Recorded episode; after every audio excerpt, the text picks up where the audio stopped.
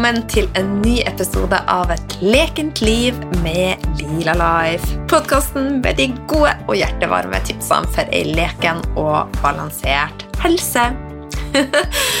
og som vanlig så kribler det i magen, for nå er jeg klar for en ny episode. Jeg har med meg en ny, spennende gjest, og det er bare rett og slett lekent. Jeg er knapt kommet tilbake til Bodø. Jeg har vært i eh, Lofoten eh, i eh, helga, ei lang helg, og det var skikkelig, skikkelig herlig. Sola skinte, og jeg var på tur med tre andre fantastiske jenter. Og eh, jeg tenker jeg skal lage en egen episode om eh, det. For det er ikke bare bare å reise på, på, tur når man har ulikt syn, man har ulike ønsker, og man, har, man er rett og slett unik. Så eh, det tenker jeg fortjener en egen episode, så det kommer mest sannsynligvis eh, neste uke. Og ja, jeg kjenner Lofoten enda på bare vibrerer i kroppen min, for Lofoten, det er Jeg digger det. Og jeg skulle gjerne ha vært det lenger, men heldigvis er det så mye artig og inspirerende som skjer, og jeg gleder meg maks til å snakke med dagens eh, gjest, som er hun Sol Fure. Hun er rett og slett ei eventyrlig dame. Inspirerende, ærlig og hjertevarm. Og I dagens episode så får vi bedre kjent med hun Sol, og vi snakker bl.a. om hvordan hun kom seg ut av eh, spiseforstyrrelser, hvordan naturen ble hennes venn da hun var utbrent, yoga og håndbalanse, eh, det å gå fra fast jobb til å leve ut drømmen som gründer. Og hun Sol forteller litt hvordan det er å jobbe i sosiale medier, og ja, hun gir oss veldig mange gode tips og vi snakka om hvordan hun lader batteriene på best mulig måte, og hva som gjør at hun er den beste versjonen av seg sjøl. Vi kommer ikke utenom å snakke om Sogn og Fjordane, som hun Sol er ifra. Og jeg må si jeg blir så inspirert å se alt hun deler på, eh, på, sosiale medier, og spesielt av Instagram. Så jeg tenker at vi alle får lyst til å ta turen dit etter denne eh, episoden. Så jeg tenker Lofoten er ei perle, og så har vi Sogn og Fjordane som er ei anna perle. Mange mange perler i Norges land, og mange perler av mennesker. Og jeg tenker at Sol er ei perle, så jeg gleder meg virkelig, virkelig til å hoppe inn i dagens samtale med ho Sol. Ta gjerne og ta en screenshot eh, av eh, episoden eh, via telefonen din, og tagg oss. Da deler vi. Deler du, så deler deler vi, og det er sånn dobbel eh, lykke, og det skal du få høre mer om i denne episoden. Og så er det noe med også det kan være at denne episoden er det som vil gjøre en stor forskjell for en der ute. Så deler du, så kan det være at den rette personen nås. Så med det så skal jeg slutte å skravle, og så er det bare én ting å si. God lytt! Hjertelig velkommen, Sol. Så artig å ha deg med som gjest på podkasten. Tusen takk for invitasjonen. Det her blir jo kjempehyggelig. Ja. Du, dette er et standardspørsmål, for jeg er veldig nysgjerrig. Så jeg har lyst til å høre hvordan du starta dagen din i dag. Ja, si det, du. Jeg er jo en eh, morgenfugl, så jeg liker å stå opp tidlig. Eh, få med meg den rolige begynnelsen av dagen. Nå er det jo stort sett lyst ute fra klokka fire. da. Jeg står ikke opp så tidlig, men jeg liker å komme meg opp i, i sjutida. Og så begynner dagen rolig med en halv liter kaffe, og så gå gjennom mailboksen min for å se om det er noe nytt og spennende å ta tak i. Og det er det jo ofte. Eh, men i dag så har jeg jobba med et Eh, ambassadøropphold som jeg er med å arrangere sammen med Visit Sunnhordland. Mm. Som vi skal ha fra onsdag til søndag. Så det har vært mye logistikk der. da. Hatt møte med Fjord-Norge og med Visit Sunnhordland. Eh, I tillegg så har jeg satt og redigert bilder som skal i en VG-artikkel for det nå. Um, ja, og så har jeg gleda meg til å treffe deg, da. Å, så bra. Jeg har også gleda meg masse. Jeg har jo vært i Lofoten i helga, så det er en veldig fin eh, overgang, sånn at hverdagen ikke veier for kjip. å få prate med deg. ja, Det så ut som du hadde hatt det veldig fint på tur òg, da. Jeg elsker Lofoten. Jeg regner med du har vært der? Nei, jeg har ikke det. Det står på bucketlista mi, så eh, det blir nok i løpet av eh, høsten, håper jeg. Ja, nei, Det er helt nydelig. Det, men det er jo helt nydelig der du også holder til, så det skal du få lov å fortelle mer om etter hvert. ja, takk for det. ja.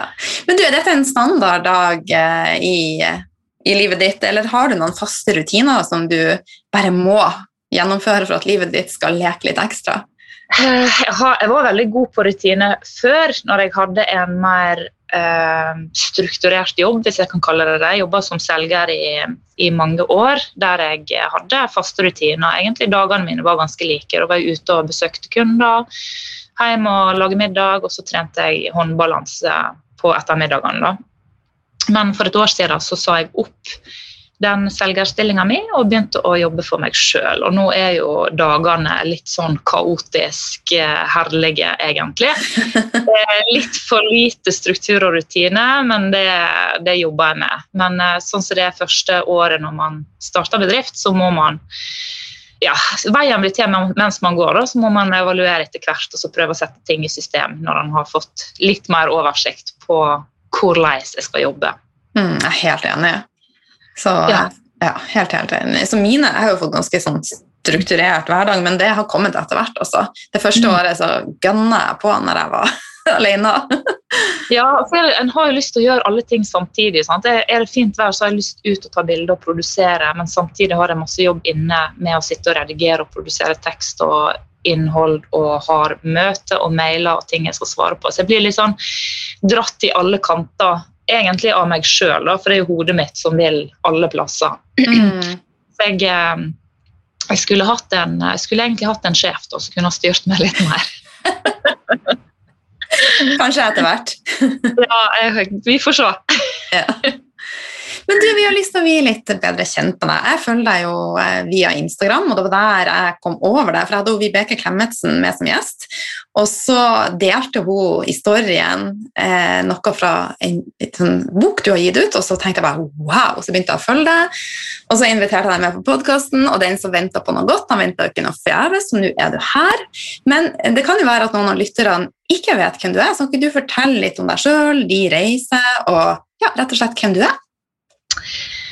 Ja um, Nå sa du til meg at jeg velger sjøl hva jeg vil dele, men jeg er en ganske åpen person og tenker at uh, alt jeg har vært igjennom, eller alt folk er igjennom, det er erfaringer som en tar med seg, og det mm. er um, verdifullt sånn i etterkant, selv om det kan kjennes tungt og jævlig mens han står i det. så, så, det jeg bruker å dele Jeg har hatt en del foredrag og presentasjoner det jeg bruker å fortelle, er jo egentlig at reisa mi starta når jeg var 15-16 år. Altså den reisa som jeg, er på nå, da. Med at eh, jeg fikk eh, jeg, fikk spiseforstyrrelser som varte i ca. ti år. Mm. Jeg var kjempesjuk. Jeg kunne kaste opp 30-40 eh, ganger for dagen. Det høres helt sinnssykt ut, men det var det var sånn eh, dagene mine var, og det handla mest om å skjule det. Om å lyge, om å planlegge, om å holde det her i gang. Da. Og ja, ut, uten at folk skulle oppdage det. Mm. Um, det kom til et punkt der jeg var ganske sikker på at jeg kom til å dø ut av det, fordi at det var så mørkt og tungt og vondt, og jeg kunne ikke forstå hvordan jeg kunne klare å slutte med det. da. Men så ble jeg mamma, og eh, jeg bestemte meg for at eh, jeg skal komme meg ut av det for hennes del. Og jeg tenkte at hvis jeg klarer å bli frisk, så kunne jeg klare hva som helst. Da kunne jeg mm. gjøre anything. Altså null problem. Ja. Og jeg eh, brukte noen år på å bli helt frisk og kom meg. Og det som skjer da, er jo at jeg får jo et enormt en enorm trang til å ta ut potensialet mitt, til å gjøre alt som jeg på en måte hadde gått glipp av alle åra jeg var da. Så det jeg gjør, er jo at jeg eh, ja, gjør karriere innen motebransjen. Jeg har da 13 Veromoda-butikker som jeg er sjef for og innkjøper for. Mm. Jeg reiser rundt i, og jeg har alle innkjøpene i Danmark. Eh, vi, vi bygger opp ja, da har vi butikker fra Mosjøen og ned til Førde. Jeg reiser masse rundt i dem. I tillegg så har jeg da tatt, gjort ferdig fagbrevet mitt som konditor. Så jeg baker kake på fritida. Jeg er veldig glad i å skrive, så jeg tok eh, frilansjobber i eh, et av fylkets største aviser, så jeg skrev masse der. Jeg, jeg, var instruktør på spenst, det var kjempekjekt. Vi bygde hus, vi gifta oss, og vi fikk et barn til. Eh, og eh, jeg stilte i bodyfitness fordi at jeg har genetisk potensial som jeg måtte teste ut. Eh, og det gikk Det var jo kjempeartig, selvfølgelig. Jeg var, hadde det superartig og var med på veldig masse. Men det, det som skjer når en da skal ta ut potensialet sitt 100% over fem år, det er at du brenner lyset i begge ender og på midten samtidig. Mm -hmm. jeg, jo, ja, jeg gikk på en gedigen smell i 2013. Eh, og våkna, våkna, en morgen av at jeg hadde store smerter i hele kroppen. Eh, da hadde jeg, hadde jeg, i flere år egentlig fått masse tegn fra kroppen. Jeg svetta veldig masse om natta, måtte snu dyna, jeg hadde hjertebank, jeg hadde synsforstyrrelser der jeg mista synet helt i perioder. Eh, så masse tegn da, som jeg egentlig ikke hadde tid til å svare på. Eller hadde ikke tid å roe ned. Så det som skjer da i, i 2013, er at jeg må, jeg må rett og slett begynne litt på nytt. Jeg måtte si opp alle jobbene mine. Eh, og jeg følte jeg satt igjen med ingenting da, og gikk litt sånn nesten inn i en depresjon, vil jeg si. Det som legen min sa til meg, det var at eh, du må bare komme deg ut i fjellet og gå på tur og liksom få kjørt ned hodet ditt til et litt sånt rusletempo istedenfor alt det her som jeg skulle gjøre hele tida. Så det gjør jeg, ute og går i naturen, som jeg ikke har tilbrakt noe særlig med tid i før 2013. Eh, Men går, går masse på tur alene og sammen med venner, helt sånn rolig, for jeg var jo, kroppen fungerte jo ikke i det hele tatt. Men det som skjer da, er at jeg setter meg ned og begynner å skrive litt tekster. Og etter hvert så får jeg en sånn her eh, Jeg blir skikkelig forelska i naturen. da, Og får veldig lyst til å visualisere det som jeg føler, da, gjennom å komponere bilder. Og det er gjerne der den Instagram-kontoen min Sol Fure vokste fram. Fordi at jeg begynte å dele tekster sammen med bilder som jeg hadde komponert. og Der jeg gjerne står i en kjole på en fjelltopp. og eh, og har skrevet en poetisk tekst til, bare for å uttrykke det jeg kjenner på, og, og dele det videre. Da. Mm. Jeg fikk jo veldig god respons, og kontoen min vokste ganske fort. da, så jeg tenkte at det her var jo en veldig fin ting å holde på med, da, så jeg fortsatte å dele ut av det. da. Så har det egentlig balla på seg eh, nå de siste åra med at jeg har jobba mye med med markedsføring både gjennom min egen kanal, men også for andre, der jeg produserer innhold og skriver tekster og eh, hjelper andre med sosiale medier. Og eh, i 2018 så hadde jeg fått såpass mange meldinger på Instagram om folk som hadde lyst til at jeg skulle gi ut bok, at jeg tenkte at eh, ja, det er jo et potensial her. Så jeg fikk jo skikkelig lyst å gjøre det, men samtidig så var jeg veldig redd for at det egentlig ikke var bra nok. Ehm, så det jeg gjør da, er at jeg eh, dedikerer boka 100 dager uten deg til den humanitære hjelpeorganisasjonen Droppen i havet. Og så går jeg rundt til forskjellige bedrifter og spør om de har lyst til å være med på prosjektet. Så fikk jeg 5000 kroner av ti bedrifter for å trykke opp boka. Så lagde jeg den i Word, av alle ting. Sendte til trykkeri. Og så fikk jeg to poller med 3000 bøker i retur, så jeg skulle da selge og sende ut via Instagram. Og det var jo helt insane masse jobb, men eh, jeg har solgt eh, ja, ca. 2500 av bøkene. Og Fantastisk. Ja, gitt 650 000 kroner til Droppen i havet, så det var veldig, veldig, veldig kjekt. Og etter det så har jeg gitt ut ei bok til på Selja forlag, da, ei poesibok. Og sånn som, sånn som det er i dag, så jobber jeg med Cappelen Dam om ei tredje bok. Wow! Kommer, ja, så kommer forhåpentligvis uh, i løpet av høsten neste år. Da. Så det blir, uh, det blir, veldig spennende og kjekt. Så det som er poenget mitt, da, er at uh, en må bare fortsette å gå på den veien en er på, selv om en kanskje føler at en er på, på feil plass. Så forandrer ting seg hele tida, mm. minutt for minutt og dag for dag, og en ser det kanskje ikke mens en går, men det er jo en klisjé, da, men når en ser tilbake igjen, så ser en igjen den enorme forvandlinga en har vært igjennom. Og jeg er jo ikke den sjuke jenta som jeg var når jeg var 18. Jeg er jo en helt annen dame nå. Men eh, jeg ser jo jeg ser jo hva jeg har vært og hva jeg har blitt, og jeg er veldig glad for de erfaringene jeg har vært igjennom. Eh, og ville egentlig ikke ha vært foruten dem nå, selv om jeg syns det var trasig mens det sto på. da. Mm. Det er jo med å forme oss. Det, det er med å forme oss, ja. Det er helt sant. Ja. Eh, vet jo, altså, jeg visste ikke noe av dette, og du kjenner heller ikke meg, men det, det er nesten som du sitter og forteller min historie også, for jeg har også hatt bulimi, og jeg fikk ME i 2013. Wow. Og, så vi har mye likheter, for å si det sånn. Jeg, men jeg hadde bulimi i 20 år. Ja, herregud. Ja. Så, men frisk som en fisk, og det er du også, så det, det er styrke. ja, og jeg tenker er det er viktig å det, det, det, er så mange som sier til meg at Gud hvor, Gud, hvor sterk du er som, som, kan fortelle om det. Gud, hvor tøft av deg å gjøre det. Men jeg tenker at det er jo min fordømte plikt å fortelle om det for å vise andre at det er håp. Du mm. kan komme deg ut av det. En må bare ikke gi opp. En må, en må prøve nye veier hvis, hvis, det som en gjør, ikke funker.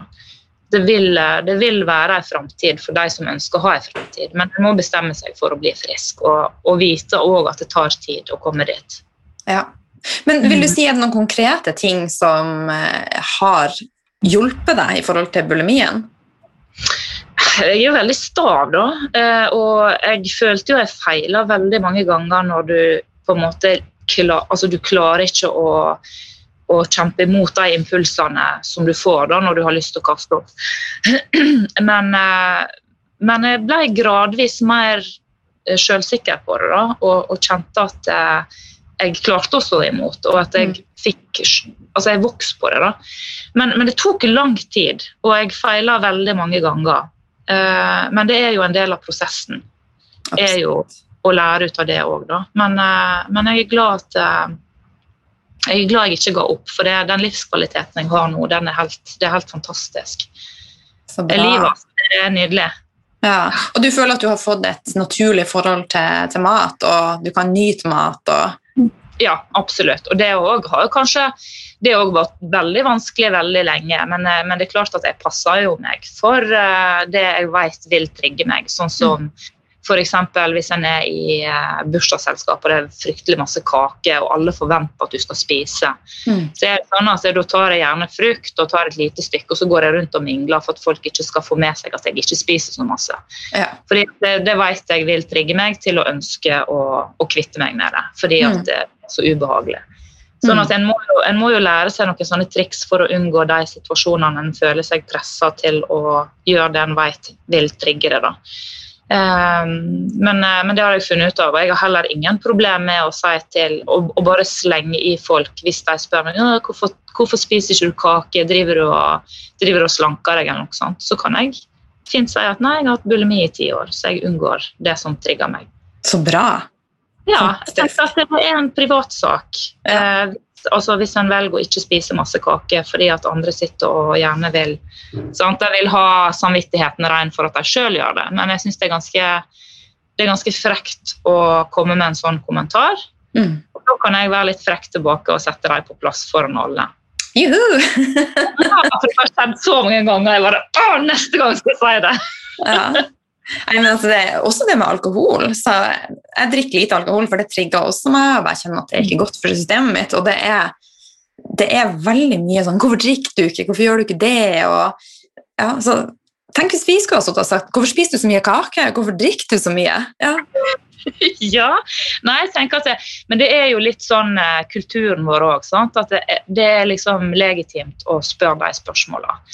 Og da må jo vi som syns det ikke er greit, vi må kanskje være flinkere å sette det på plass. da. Mm -hmm. Og snakke om det her. At, det er, at en kan være litt forsiktig med å stille sånne spørsmål, for alle har sine historier. Og det er fryktelig mange som har vært gjennom det som jeg og du har, men som kanskje ikke har kommet til det punktet at det føles greit å snakke om det. Mm. Så ja. Ja, men Så bra at du åpna det. Det setter jeg veldig veldig stor eh, pris på. Mm. Og så vet jeg at mange av lytterne er fortsatt i en fase der de faktisk jobber med dette, så det er veldig, veldig gull. Så, Ja. Ja. Vi må informere, mm. rett og slett. Mm. Ja. Men du, du fortalte at du sa opp en eh, fast og trygg jobb og heiv deg inn i det å være gründer. Og du sier også at du har en stor skapertrang og ei rastløs sjel. Fortell Mm. litt mer om hvordan du jobber i eh, så Du har fortalt litt, men fortell litt mer. Ja, jeg, eh, det, skjer jo veldig mye på Instagram. Jeg føler jo det er en ufattelig fin plattform for å finne folk med felles interesse, nesten uansett hva du er interessert i. Eh, Så jeg syns jo det er kjempespennende. Jeg er veldig fascinert av folk som har en lidenskap eller en veldig sånn nisjehobby der de er superoppslukt av én ting. Eh, Så der har jeg funnet, funnet masse kule folk å følge, og for meg så handler det om lidenskap. da. Det, Mm. det er lidenskapen jeg blir interessert av. Det kan være en person som er kjempeopptatt av uh, kjøkkenskuffer, f.eks., som holder et foredrag om det. som jeg blir, for, for det er liksom Den lidenskapen og den energien den smitter veldig over på meg. da, Så jeg er helt sånn avhengig av å ha folk rundt meg som har en sånn drive and passion for noe. Mm. da Mm. for at jeg skal holde meg oppe òg. Og det har på en måte tatt eh, mer og mer av meg og følt at jeg har, jeg har dratt meg sjøl mer i den retninga. Jeg har lyst til å jobbe med det som jeg har lidenskap for. Mm. Og det er å formidle, det er å fortelle historier, det er å jobbe med det her visuelle sant? I, i foto og film og i tekst. Så så jeg var permittert i april i fjor og reiste rundt med Jostein Vedvik, som har vært min fotovenn i mange år. Der vi har skapt mye kult sammen. Men vi reiste, hadde i hvert fall ei uke i Nordfjord der vi reiste rundt og tok bilder og lagde video forskjellig. Og vi hadde liksom sånn ønske om å lage noe veldig lyrisk, fin film som skulle være hjertet vårt. da. Eh, og så Mens vi var på den turen, så tok Renault Norge kontakt med meg og ville kjøpe noen av bildene mine på Instagram til bruk i, eh, i en kampanje. da. Det de sa var at De hadde mange stokkfoto som de kunne bruke, men de mangla lidenskap. Ah, Jeg brukte akkurat det ordet, da. For uh, da tenkte jeg at her, her er det mer å hente. Her er det et potensial. Så jeg eh, spurte om å få vite mer om uh, kampanjen og hvordan den skulle se ut, og han fortalte, og jeg fikk jo 1000 ideer. da. Det det enda opp med, er at jeg sender han den videoen som vi lagde i Nordfjord, der jeg springer rundt i en rød tyllkjole på forskjellige plasser i sånn slow motion, og det er solnedgang og strand og ja, Kjempenydelig. Og det ender opp med at Renault kjøper filmen og bruker den i eh, norgesreklame som de har putta mange millioner kroner på for å få vist på alle digitale flater. Eh, og det som skjer videre, er at de ønsker å lage flere filmer og spør om jeg vil ta det oppdraget. Um, da må jeg da kontakte min eh, arbeidsgiver og si at jeg har fått en stor jobb. Um, hvor lenge tror dere jeg vil være permittert? Kan jeg gjøre det her? Eh, og de sier at de er usikre, koronapandemien, bla, bla, bla. Jeg må ta et valg. Og så kjenner jeg ok, trygg jobb eller lidenskap. Vi kjører på med lidenskap. Så jeg Så så bra! jobben, ja, så jeg så opp jobben og så tenkte jeg herregud, jeg kan jo, altså jeg er selger i bunnen, jeg kan få meg selgerjobb anytime hvis jeg virkelig vil. Mm. Så skal ikke det være noe problem. Så jeg satsa på at eh, det her skulle gå bra, og det har bare balla på seg med, med mer jobb, mer jobb, mer jobb. Sånn at eh, jeg, jeg føler meg så heldig som ble pressa til å ta den avgjørelsen. For det her er virkelig et eventyr. Altså, det siste året har vært kjempefint. Jeg er blitt kjent med så masse nye, spennende folk. Eh, vært med på masse turer, masse oppdrag. Eh, sant? Cappelen Dam kontakta meg og ville lage bok. Så åh, nei. Jeg har gåsehud. ja. Men det handler jo om å ta sjanser. da. Hadde ikke jeg, hadde ikke jeg turt å hoppe i det, så hadde jo ingenting av det her skjedd. For da blokker du dørene. sant? Det er Mm. som, eh, For du har ikke tid til å gjøre det. sant? Nei. Men så, herlig. Men tar du masse bilder sjøl, eller har du alltid en fotograf i lag med deg? Eh, jeg har eh, Jeg tar det, Jeg begynte jo med mobilbilde egentlig da, på Instagram mens jeg tok med sjølutløser. Men så elsker jo jeg folk, og jeg elsker å samarbeide. Og jeg tenker at én pluss én er tre. Fordi at du har to hode som tenker kreativt, som ser forskjellige ting, og så løfter en hverandre. Da. Sånn at jeg samarbeider veldig gjerne med fotografer. Men jeg har fullt fotoutstyr sjøl òg, med speilreflekskamera og drone, så jeg tar jo, tar jo masse bilder sjøl. Men det er gjerne av andre, da, som, som andre folk får dele. Sånn at på min konto nå så er det jo veldig masse bilder som jeg ikke har tatt sjøl, men som jeg likevel har eh, komponert og laga sammen med andre. Da. Og jeg syns jo det er ekstra fint, og at vi er flere om, om uttrykka som blir skapt. Mm, fantastisk. Mm. Men sånn, i forhold til, Nå er det jo veldig mange som jobber via sosiale medier og prøver å lykkes. Har du noen mm. tips eller noen kurs man burde gå for å, å lære seg å ja, rett og slett redigere bilder? Og ja, altså, En må jo være interessert i det her, da, fordi at uh, jeg, altså, jeg, har funnet ut av det meste sjøl, og så er jeg veldig nysgjerrig. sånn at Når jeg sitter med fotografer, så spør jeg alltid masse spørsmål hvordan de gjør ting, og hvordan de jobber og hvordan de redigerer. Og så får en masse tips. da. Så, og, men det handler jo om nettverk. altså Du må komme i kontakt med folk som, som jobber på samme måten som deg. Så har du alltid noe både du kan lære fra deg, men òg som du kan lære fra deg. Sånn som f.eks. den eh, ambassadøroppholdet som vi arrangerer nå. Der, jo, der, skaper jo vi en møteplass for influensere til å komme og dele det de kan, men også å lære av andre. Og så bygge nettverk sant? til både destinasjonene, hoteller, til eh, eh destinasjonsselskaper. Visit eh, Sunnhordland og Fjord Norway er jo med nå. Og Da får en vist seg fram, sånn at en kan vokse, men også at en kan lære vanvittig masse sjøl. Mm. Så mitt beste tips det er networking. Altså ta kontakt med folk, møt folk, samarbeid og vis andre fram, så vil de vise deg fram òg. Og så vil en lære av hverandre. Nydelig. Men det her, er det noe som er kommet for å bli, det her opplegget? Altså, det dere arrangerer nå? Ja, det, det, er jeg bombesikker på. Jeg hadde, den ideen her hadde jeg i fjor sommer, så jeg presenterte for en, eh, en kunde av meg. da.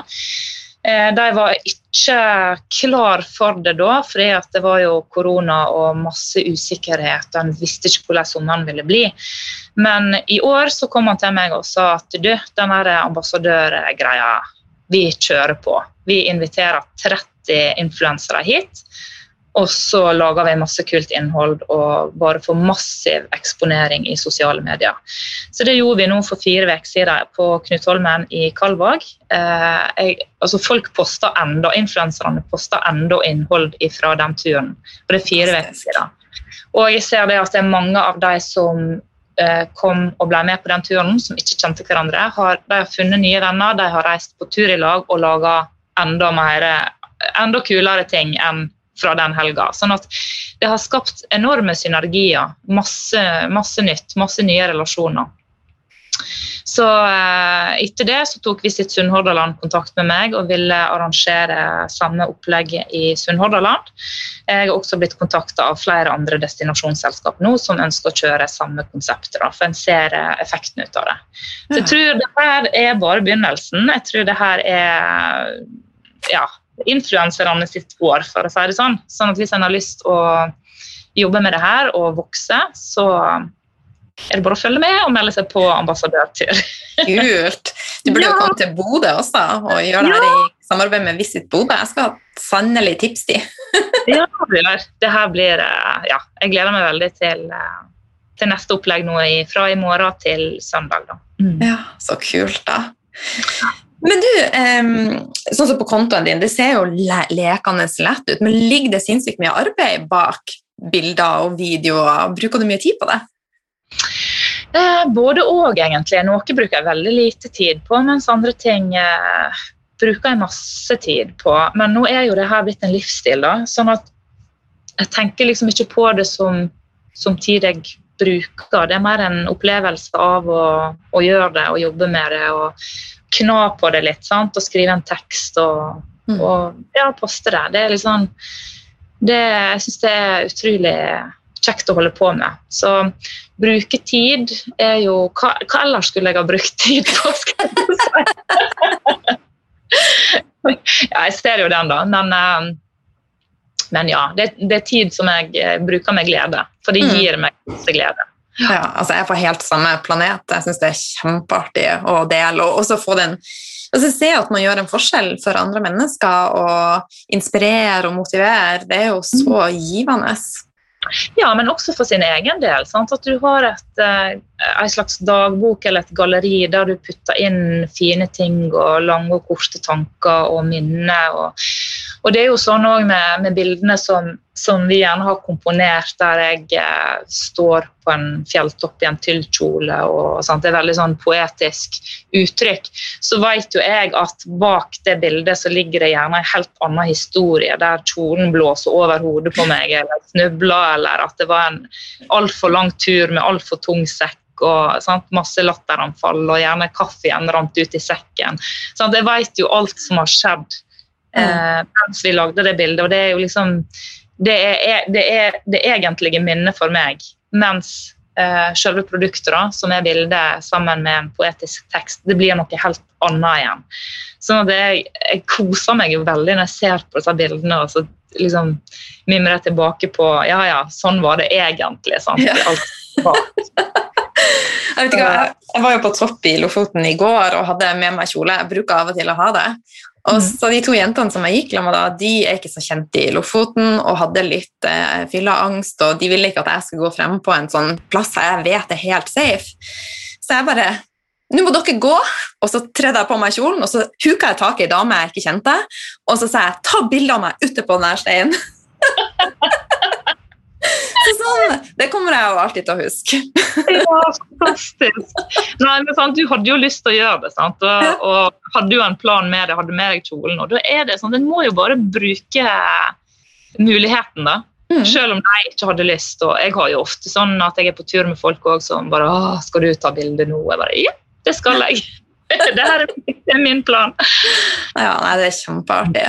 Men du, hva får frem kreativiteten i deg? Hva som gjør at du bare uh, ja, si det. Jeg, eh, jeg, er jo veldig inspirert av andre, da, med lidenskap, som sagt. Jeg blir mm. veldig, veldig oppslukt av uh, folk med sånn superinteresse uh, for én spesiell ting. Uh, og ja, det er energien da, i folk som, som, trigger energien i meg, som får fram det her kreative dyret som vil ut. da. Mm. Så jeg er avhengig av å være rundt andre med en sånn uh, samme drive som jeg har lyst til å ha. Da. Ja.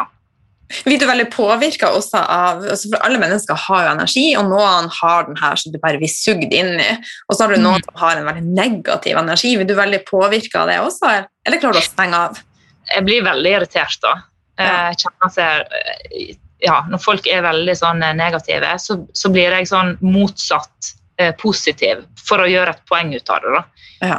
Eh, så, og jeg kjenner at jeg, jeg, har jo lyst vekk ifra det. Altså, jeg, har, jeg har ikke lyst til å være med folk som påvirker meg negativt, sånn at jeg Nei. blir irritabel og sur. Da. Så ja, absolutt. Og jeg føler òg at jeg har i mitt voksne liv da, klart å sortere vekk. Eh, sånn at jeg uten unnskyldning kan la være å bruke tid på sånne folk i livet mitt som mm. Eh, påvirker meg negativt. Jeg kan bare velge å ikke møte dem eller ikke bruke tid på dem. Og så heller holde meg opptatt med de som påvirker meg positivt. Mm. Og det er, det er, vår rett til å gjøre. En trenger ikke å ha unnskyldning for å gjøre det. Eller Nei. føle seg forplikta til å henge sammen med folk som, som er dårlige for deg. Mm. Helt, helt enig. Mm. Men du, du, er jo veldig glad i eh, yoga, eh, var det første jeg la merke til. Men så så jeg at du drev med håndbalanse. Driver du med begge delene, og hvordan kom du over eh, denne treningsformen? Ja, jeg, eh, yoga begynte jeg med for 14 år siden. er det vel, At jeg tok, tok et kurs. fordi at jeg som da spenstinstruktør så ville de satse på, på yoga, som egentlig var ganske nytt å ha på et treningssenter på, de, på den tida. Nå høres det ut som det er 50 år siden, da, men, men, det er 13 år siden, og det var ikke vanlig å ha på, på spenststudio da. Så jeg tok eh, noen sånne helgekurs, egentlig, og så begynte jeg å undervise i yoga uten å ha sertifisering, egentlig. da. Og har hatt eh, veldig mange timer der og egen praksis hjemme. Og i begynnelsen så var det mer det her eh, akrobatiske i yoga som fascinerte meg, da, med det her vanskelige stillingene og armbalansene kanskje spesielt. da. Men så er jo jeg da som konditor velsigna med kronisk senebetennelse i begge skuldrene, sånn at jeg kunne ikke jeg kunne ikke gjøre armbalanser til slutt, og jeg kunne heller etter hvert ikke gjøre yoga, for krigerstilling annet, er helt kverken for skuldrene mine. Eh, sånn at jeg måtte legge det mer eller mindre på hylla, akkurat de fysiske øvelsene. Jeg ble mer interessert i filosofien og den meditative delen av mm. yoga. Mm. Og egentlig litt sånn samtidig med alt som jeg var igjennom òg, med, med det her å møte veggen, så så ble det mye meditasjon og sant, gå ute i naturen istedenfor å skulle være så fysisk hele tida. Mm. Eh, det som skjer litt seinere, er Det er vel en fem år siden nå, sånn i 20, hva blir det da, 2016 ca. Eh, så kommer jeg over en som heter Ulrik on Hands på Instagram, som bare fascinerer meg noe voldsomt. For han har en sånn superinteresse for håndbalanse han er mann, han er liksom 1,95 høy og norsk og står på ei hand. Det var bare blown away. Så jeg tar jo kontakt med han og spør om, om det her er mulig å lære seg. eh, og han sier at eh, ja, det er jo det, men eh, de fleste gidder jo ikke for det tar jo så himla lang tid. Det tar jo flere tusen timer å lære det. Mm. Så ja, men jeg vil lære det. Jeg vil, jeg vil, jeg vil. Og så prøver han da å demotivere meg. Ja, men eh, de fleste de bare sant, de trener kanskje tre uker, og så gidder ikke mer, for da har ingen framgang. Det her tar kjempelang tid, og sant, du må være sånn og sånn og sånn og sånn, skrudd sammen for å klare det her.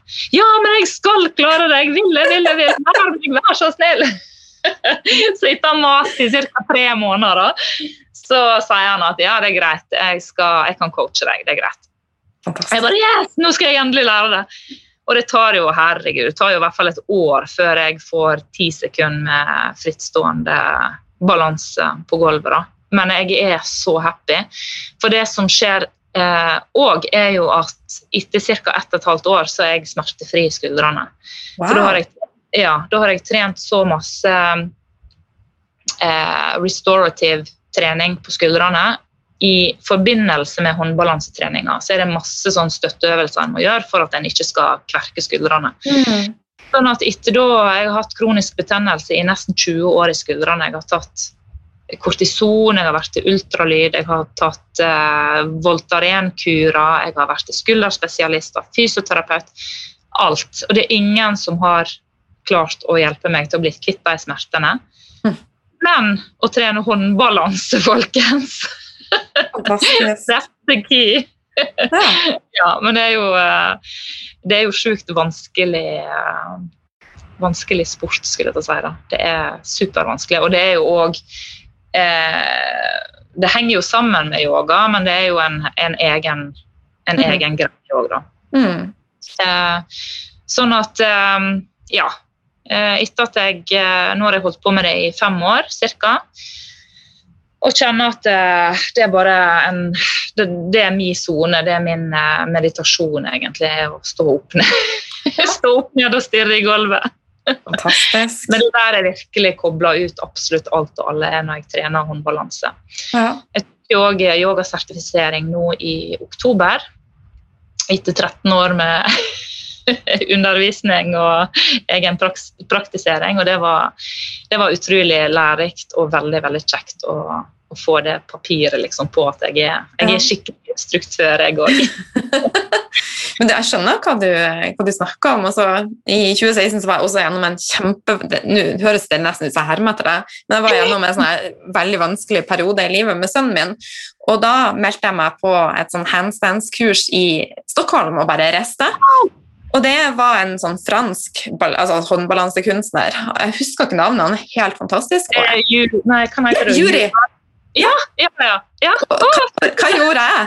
Jeg inviterte han til Bodø, så han har vært på besøk hos meg i Bodø, og vi hadde kurs her i Bodø. Tuller du? Nei, så kult! Så jeg står jo på hendene, men uh, Eh, blant annet er jo ganske crazy, sånn at eh, jeg knakk blant annet foten i treninga, for jeg datt mot kjøkkenbordet. Å, herregud, vet du hva, det har jeg gjort så mange ganger. Det er helt utrolig at ikke jeg har knokketær og legg og i det hele tatt, altså. Så, eh, men du er mye bedre enn meg, da. Men jeg står på hendene, det gjør jeg. Fantastisk. Så nei, nei, jeg også bestemmer jeg for noe, så er det bare full pupp. Ja. Ja, altså en, en må bestemme seg, og så må en, eh, må en holde seg til planen òg. For jeg tenkte, sånn som med han coachen, og jeg tenkte at bare jeg får en oppskrift som jeg kan følge, så skal jeg skal gjøre det. Mm. Men det er så vanskelig å lære seg det sjøl, for du veit ikke hva du gjør feil. sant? Og du vet ikke, du vet ikke hva, hva som skal til. og Det er som at du skal bake ei bryllupskake uten å ha peiling på hva som skal være i den. sant? En må jo ha en oppskrift.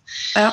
Så jeg vil jo anbefale alle som har veldig lyst til å lære seg det. Så du trenger en oppskrift, rett og slett. Det er ikke bare å spenne beina opp etter veggen og så regne med at en dag så står det. En må Nei. liksom vite hva en skal gjøre. da. Ja, det er jo et kjempefinstemt system. Så, men har du fortsatt coaching av han, da? Nei, jeg hadde coaching eh, i seks måneder. Eh, og etter det så lagde han, eh, lagde han noen treningsprogram til meg for, å, for at jeg skulle ha progresjon da, med litt andre øvelser og sånn. Ja. Nå er det bare egen trening, da, men jeg, jeg tenker, jeg vet jo hva som skal til for at jeg skal komme videre, og det er å jeg må åpne hoftene mine. altså Jeg må, jeg må klare guttespagaten, og så må jeg tøye skuldrene, for jeg har veldig lukka skuldre. Og det, tar, det kommer til å ta veldig lang tid for å få tøyd opp nok til at jeg kan komme videre. Som, som et mål for meg, er jo å stå på ei hand, men eh, ja, vi får se, da. Det er ikke det er ikke så viktig for meg nå som det var for noen år siden. Nei. Nå er det mer eh, at jeg vet at jeg har det. Jeg har, jeg har treninger som jeg, kan, eh, som jeg kan være i og zoome vekk fra alt annet. Mm. Så det er liksom det Sånn som jeg sa med yogaen òg, at det var disse her eh, sant, armbalansene som fascinerte meg da. Men det førte jo til at jeg kom inn i filosofien og meditasjonen i yoga, som, som er det viktigste for meg nå. Da. Mm. Sånn at, eh, Mediterer du daglig, eller? Eh, ja, jeg, det vil jeg si at jeg gjør i større eller mindre grad. Det kan jo bare være noen minutter jeg lukker øynene og Mm. flyter vekk, eller at jeg tar meg skikkelig tid til å sette meg ned med olje, diffuser og sånne ting. Det er sjelden jeg gjør, men, men jeg er bevisst, altså mindfulness, på når jeg er ute i naturen f.eks. Og, og går og tråkker rundt der, eller at jeg, eh, jeg kjører meg en tur og får meditert litt, eller jeg tar eh, fer og bader f.eks. Det er veldig Mm. meditativt for meg òg. Så eh, meditasjon er så masse mer enn å sitte med beina i lotus og ha bjeller som ringer i bakgrunnen. Ja, det er sant. Så, men jeg gjør, jeg gjør det også av og til, så jeg liker liksom å kombinere det her som Ja, ja, ja. Alt, ja. Mm. Men Mm. eh, altså, du, du sier at du mediterer. Det er andre ting du gjør for å lade batteriene, for å klare å stå i det her trøkket som du har? Ja, jeg har jo um, eh, isbading, eller helårsbadinga mi, da, som er en veldig sånn hellig ting for meg for å nullstille hodet, egentlig. Så I går så kjente jeg at eh, nå, nå topper det seg. Det liksom, jeg kjenner at det begynner å prikke i huden, og at hodet er fullt og liksom stramt i nakken. og Jeg kjenner at jeg må, jeg må bare ut. Jeg må komme meg ut. Sant? det er denne flight-modusen som jeg kommer i. Mm. Jeg, jeg vil flykte ifra det. da. Så da setter jeg meg i bilen, og så kjører jeg til et vann som er veldig sånn Nå er jo bjørka i fullt eh, utspredt, og det ligger en liten båt der. og jeg går ned til vannet og setter meg ned og bare puster litt. Og så er det, kommer jeg liksom i en sånn veldig rolig modus der jeg kan bare gå rolig ut i vannet og svømme meg en runde. Og så kommer jeg på land igjen, og da er det, da er det sånn eksplosjon av følelser i kroppen. Og så kjenner jeg bare at hodet er helt tomt. Og det, er, det tar liksom bare 15 minutter, og så er jeg nullstilt. Og det er så fantastisk deilig å ha, ha oppdaga det her, da. For det, det er ikke mer enn ja, ett og et halvt år siden sånt jeg begynte med det. da. Fantastisk. Så det er jeg veldig takknemlig for å ha oppdaga. Eh, mange ser for seg at det her med isbading eller helårsbading er sånn at en med skrik og skrål hopper uti og skriker seg på land igjen. Da. Så det kan man selvfølgelig også gjøre, da, men, men, for meg handler det om å finne roen. da, og eh, egentlig styrken til å tåle den smerten en egentlig får da, når man går ut i veldig kaldt vann. Mm. Eh, og det er veldig deilig etterpå. ja, I know. Jeg gjør det lite grann, men ikke så ivrig som du. Men det er en av de tingene som jeg jobber med, da. Og jeg er mm. helt enig i det du beskriver Det er veldig, veldig godt. Mm. Så eh, Men hva gjør at du er den beste versjonen av deg sjøl, da? Den beste versjonen av meg sjøl er vel eh, jeg sikkert ikke kommet til ennå. Jeg tenker jo at jeg eh, er god nok sånn som jeg er, eh, selv om jeg hele tida kan bli bedre. Jeg kan tenke renere tanker, jeg kan spise renere mat, jeg kan ta mer vare på meg sjøl og familien min. og jeg kan formidle verdiene mine enda sterkere. Men samtidig så skal ikke det gå på bekostning av at jeg brenner lyset mitt i, i alle ender. Da. Sånn at eh, den beste versjonen av seg sjøl en, en, skal streve etter å bli bedre, men samtidig òg tenke at så lenge en har fokus på det, da, mm. så er en, er en, bra nok sånn som en er òg. Mm. At eh, en, en, har feil, en, en, gjør feil, en har mangler. Og, og, det er ikke nødvendigvis noe negativt som skal forbedres. Men, eh, men, at det er en del av livet å ha dårlige dager også. Og det gjør ikke deg til en dårligere person. Men, eh, men jeg syns likevel at det er fint å tenke at at det der er ting jeg har lyst til å bli bedre på, så, så, har en noe å strekke seg etter også. Mm. Så det, det, er litt sånn dilemma, det der, da. Um, ja, men det, jeg bruker å tenke at altså, prosessen er målet. Mm. Og eh, ja, altså det er alltid noe å jobbe mot og for, men samtidig så er jeg opptatt av at jeg er ikke et oppussingsprosjekt. Jeg er unik sånn som jeg er, men så har, vil jeg strekke meg etter noe uten at jeg ja. tenker at jeg ikke er perfekt sånn som jeg er. Jeg vet ikke om du skjønner hva jeg mener? ja, jeg skjønner det veldig godt. Det, men det som jeg opplever òg, er at hvis en, hvis en gjør én ting veldig bra, som, som, en vil gjøre enda bedre, så vil det på en måte gå ut over andre deler av livet som en også ønsker å gjøre bra. Sant? At du gjerne vil, sant? Hvis du tenker på det som et oppussingsprosjekt, at du vil male om hele, hele, rommet innvendig, men da glemmer du på en måte plantene som du skulle ha vatna ute, sant? for du er så opptatt av av at det rommet her skal bli perfekt. Sånn at jeg tror det er litt det her med å gå litt på kompromiss òg, at, eh, at, ting skal være bra nok, men at mm. alt trenger ikke å være 100 for da vil noe annet dette ned på 20 Kjempebra eh, forklart.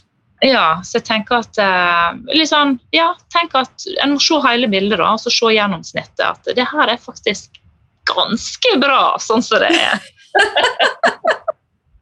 ja, det er viktig. Mm. Men du, altså, du, bor i Sogn og Fjordane. Mm. Gjør du det? Ja. Eh, hvorfor bør vi ta turen dit? Ta og Selg, selg det inn. oh my god, det er jo verdens fineste plass. Nei, vi har jo, vi har jo først og fremst vanvittig masse historie her i Sogn og Fjordane som er underkommunisert. Eh, vi har bl.a.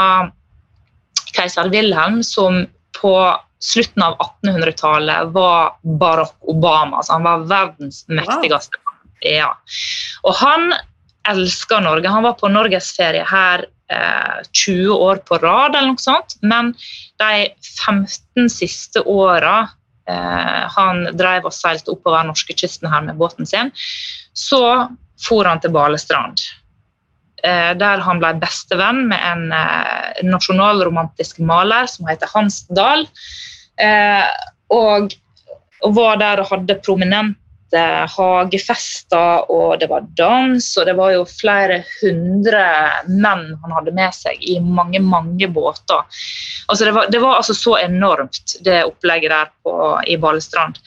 Eh, og så har de jo Norges største sveitserbygning i Balestrand. Enormt sveitserhotell. Og det kom malere fra hele Europa for å male nasjonalromantiske motiv fra Balestrand. Sånn at eh, Ja. Og der, der, er mange mange, mange lignende historier rundt omkring andre plasser i Sogn og Fjordane som bare venter på å bli oppdaga. Mm. I tillegg så har vi jo høye fjell, og vi har dype fjorder, vi har isbreer, vi har nydelige strender. Eh, og masse urørt eh, natur. Masse fossefall. Så det er, det er, er og det er veldig tilgjengelig òg. Til kort vei både fra Østlandet og fra Nord-Norge og fra Sørlandet. Så det ligger, det ligger veldig fint til her. Hvis du fikk vel tre plasser som bør besøkes, hva velger du da? I Sogn og Fjordane? Ja. ja. ja. Da vil jeg jo si Kalvåg, selvfølgelig. Der har jeg jo vært utrolig masse. Det er fiske, et fiskevær i, helt ytterst i, eh, i Bremanger i Nordfjord. Det var et av Norges største fiskevær på midten av 1800-tallet. Da var det flere tusen fiskere der som, eh, som rodde. Eh, fisken den sto så tett at de kunne bare ause den opp med håv, sies det.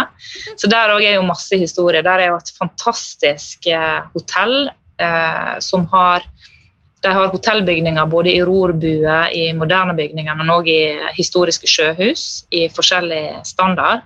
Og de har en av Norges beste fiskerestauranter med kokker både på kokkelandslaget og med erfaring fra The Fat Duck i London, som er kåret til verdens beste restaurant. Eh, og der er turer som Europas høgste sjøklippe, du har veiløse Bettvika, du har Grotlesanden der, altså der er bare, Det er bare en fantastisk plass. Og En kan komme til med båt, eller en kan kjøre dit, eller ta fly til Florø og så båten over. Så det er veldig eh, lettvint å komme seg dit òg. Så det er nummer én. Og så har du jo Balestrand og Kviknes hotell, som jeg fortalte om i stad, med masse historie. Det er sveitserbygninger. Det er veldig sånn nasjonal og romantisk eh, motiv. Høye fjell og Sognefjorden, som er verdens lengste fjord. Eh, der er ofte nise i sjøen der, som man kan se. Helt nydelig plass. Der er masse, der er jo vingårder langs Sognefjorden òg, som en kan besøke, og siderprodusenter. Så det er veldig sånn frodig og nydelig område. Og så selvfølgelig Jølster, her som jeg bor, da, som òg er, er, veldig annerledes enn de to andre. Her er et svært vann, to mil langt vann, som jeg elsker å bade i. Og omkransa det så har du mange hundre fjelltopper som, som en kan gå på, da, utsikt ned til vannet, som er bare helt fantastisk nydelig. Så du bor litt i innlandet, da? Ja, jeg bor litt inn i landet. Mm. Åh, jeg har så lyst til å besøke området. Kom på tur ned hit, så kan vi ha yogaarrangement. ja, jeg skal komme. Om det ikke blir i sommer, så blir det, blir det snart. Men eh, du sier at det er veldig frodig og sånn der nå, så det er kanskje et fint tidspunkt å bare hive seg i gang nå? Ja, vet du hva, nå er bjørka sprått ut her. Den jo, ligger jo ned langs eh, fjellsidene. og det som er fint med Jølstravatnet, snakket jeg med mannen min om i går. Det er så fint fordi at tregrensa begynner der som vannet slutter, på en måte. Sånn at du har bjørketreet helt ned til der vannet begynner. Da. Så det, det, er helt nydelig nå.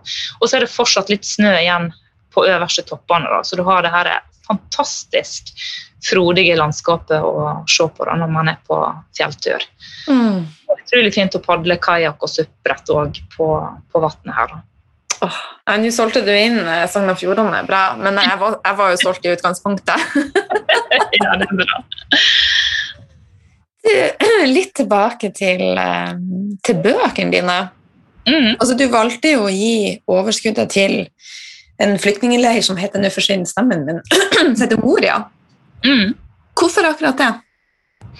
Um, jeg hadde flere venner som reiste til uh, Moria i 2015 for å hjelpe til med flyktningkrisen som var da.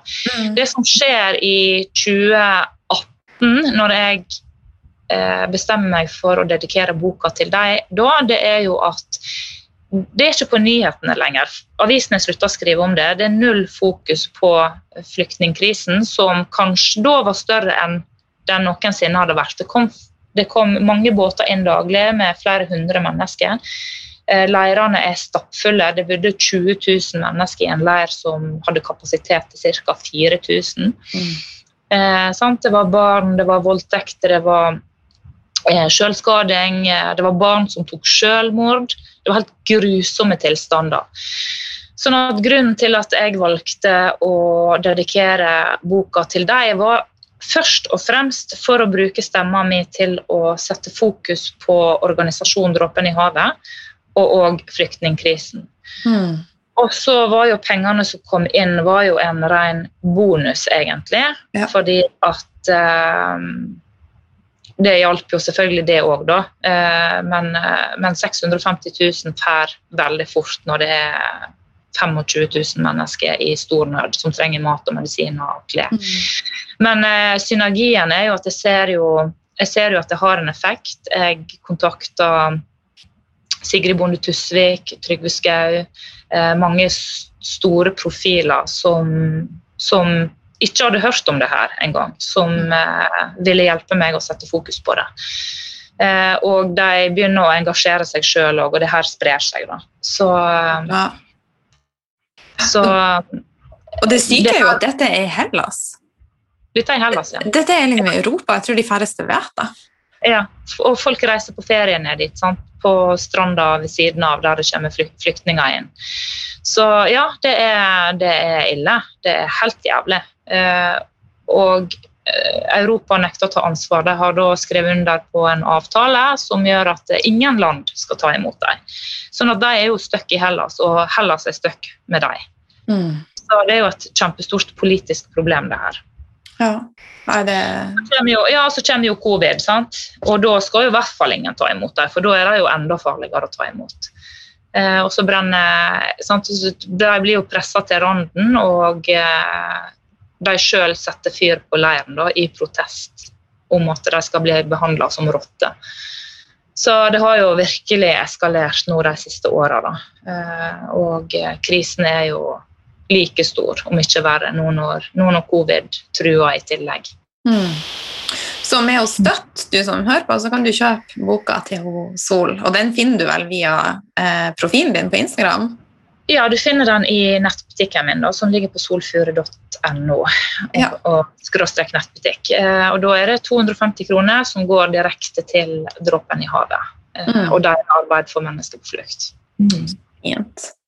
Eh, du nevnte jo at du bruker eterisk olje, og det er jo en stor fan av eterisk olje fra doTERRA. Og de har også eh, pågående hjelpearbeid eh, i Moria, da, sånn at vi får muligheten til å, å melde oss på og reise frivillig ned. sånn at vi har folk der nede hele tida. Så jeg tenker på det, men jeg tenker også at man må være ekstremt sterk for å faktisk klare å, å møte. Men ja, jeg klarer det sikkert.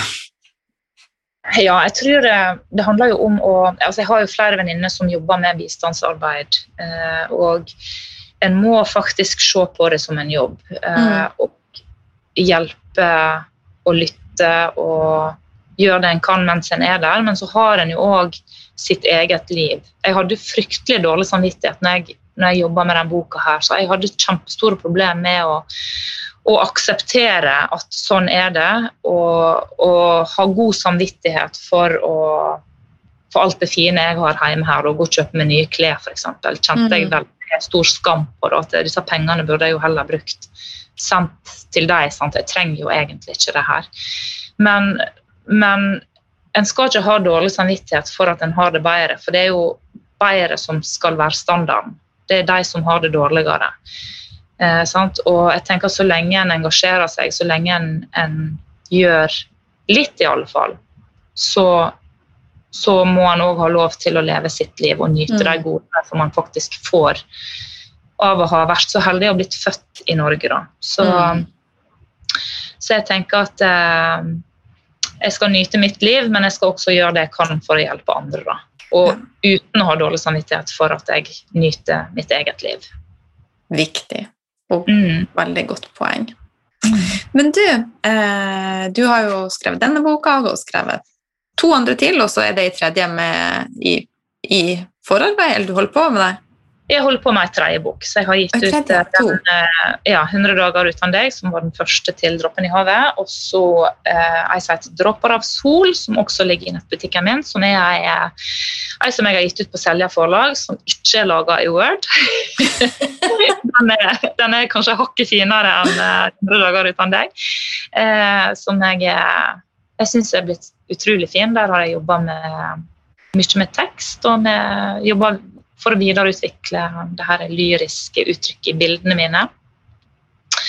Uh, ja, og så holder jeg på med ei tredje bok nå med Cappelen Dam, som skal bli ei inspirasjonsbok for unge voksne kvinner. Sånn som meg. Og det, det er kjempe, kjempefint og spennende prosjekt òg. Ja. Gleder meg. Mm. Men du, utenom dine bøker, hvis du skulle anbefale ei bok som kan gjøre en forskjell, har du noe å anbefale? Oi, oi, oi. Åh, jeg, er, jeg har sjelden tid til å sitte og lese fra perm til perm. Da. Jeg er litt sånn som blar eh, fram og tilbake. Jeg er veldig glad i Lisa Isato sine, sine bøker. Da. For det er så Det er jo bilde, sant. Mye bilde som gir deg masse assosiasjoner og følelser og minner, ikke minst. Det har kommet opp så masse barndomsminner ved å se på de her nydelige illustrasjonene som hun har. Jeg er enig. Ja, og så leser jeg eh, Jeg leser jo en del eh, filosofi, eh, yogafilosofi, for der òg plukker jeg opp masse ting som, som setter i gang refleksjoner og tanker hos meg. Og så er jeg veldig glad i magasinet Altså. Jeg la ut på Story i går da, en, en liten ting om dem. Men jeg syns det, det er fantastisk med et magasin som fremmer kvinner, og fremmer forskjellige kvinner. Og deres historie på en så brutalt ærlig måte som, som de gjør. Mm. Og det er reklamefritt og leserfinansiert blad. Uh, så jeg syns uh, det inspirerer, inspirerer meg veldig å lese i, i spesielt det magasinet òg. Ja, jeg så det på storyen. Det så veldig, eh, veldig fint ut og veldig ekte og ærlig ut. Ja, det er fantastisk fint også. Ah. Nei, men eh, Så takk for det. eh, De har jo òg De har bytta ut reklameplassen med, med kunstspalte, så en kan inn, alle kan sende inn forslag til Eller kan sende inn sitt eget arbeid, da, så kanskje får en det på trykk. Mm. i. Mm. Spennende. Du, nå har vi jo vært innom veldig veldig mye, og du har eh, delt eh, fra, fra hjertet. Og eh, helt på tampen, er det noe du vil tilføye som du tenker vil være av verdi for lytteren?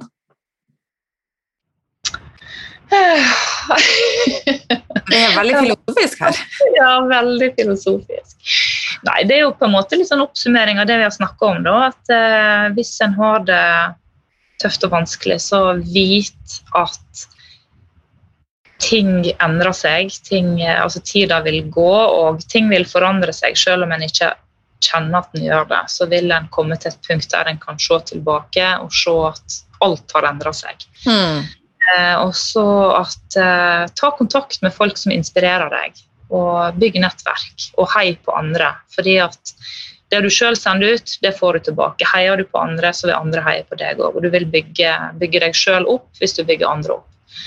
Så eh, det er mitt aller beste råd for å få et, eh, et spennende og godt liv, iallfall. Mm, veldig gode tips. Jeg tror i Norge så er vi litt sånn redd for å løfte andre, men jeg tror han Ari Behn sa at det er nok plass under stjernene til alle. Ja, det er helt, helt sant. Og jeg, jeg skjønner ikke hvorfor det skal være sånn at vi er så redd for å fremme andre, men eh, det burde jo være den enkleste ting i verden. da, Mm. Å vise fram det en syns er fint og kult ved andre. da.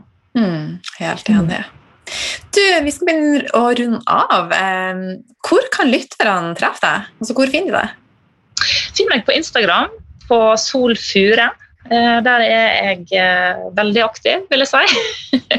Deler masse på både Story og i feeden av forskjellige ting og tang. Og så har jeg jeg har jo òg en nettside, solfure.no, der det ligger en blogg som eh, jeg har planer om å bruke mer. Der ligger litt, grann, men eh, jeg har masse ting som, som ligger og venter på å komme ut. Da. Så det kommer, kommer litt eh, artikler der etter hvert. Herlig. Og tusen takk også til alle dere som hører på, inn og gi jo eh, Sol masse, masse kjærlighet. Så tusen takk for tida di. Det setter jeg veldig, veldig stor pris på. Å, det var så koselig å snakke med deg. Så bra, og i like måte. Så plutselig så inviterer jeg deg tilbake. Ja, men det, det er jeg med på, vet du. Så Veldig hyggelig. Mm.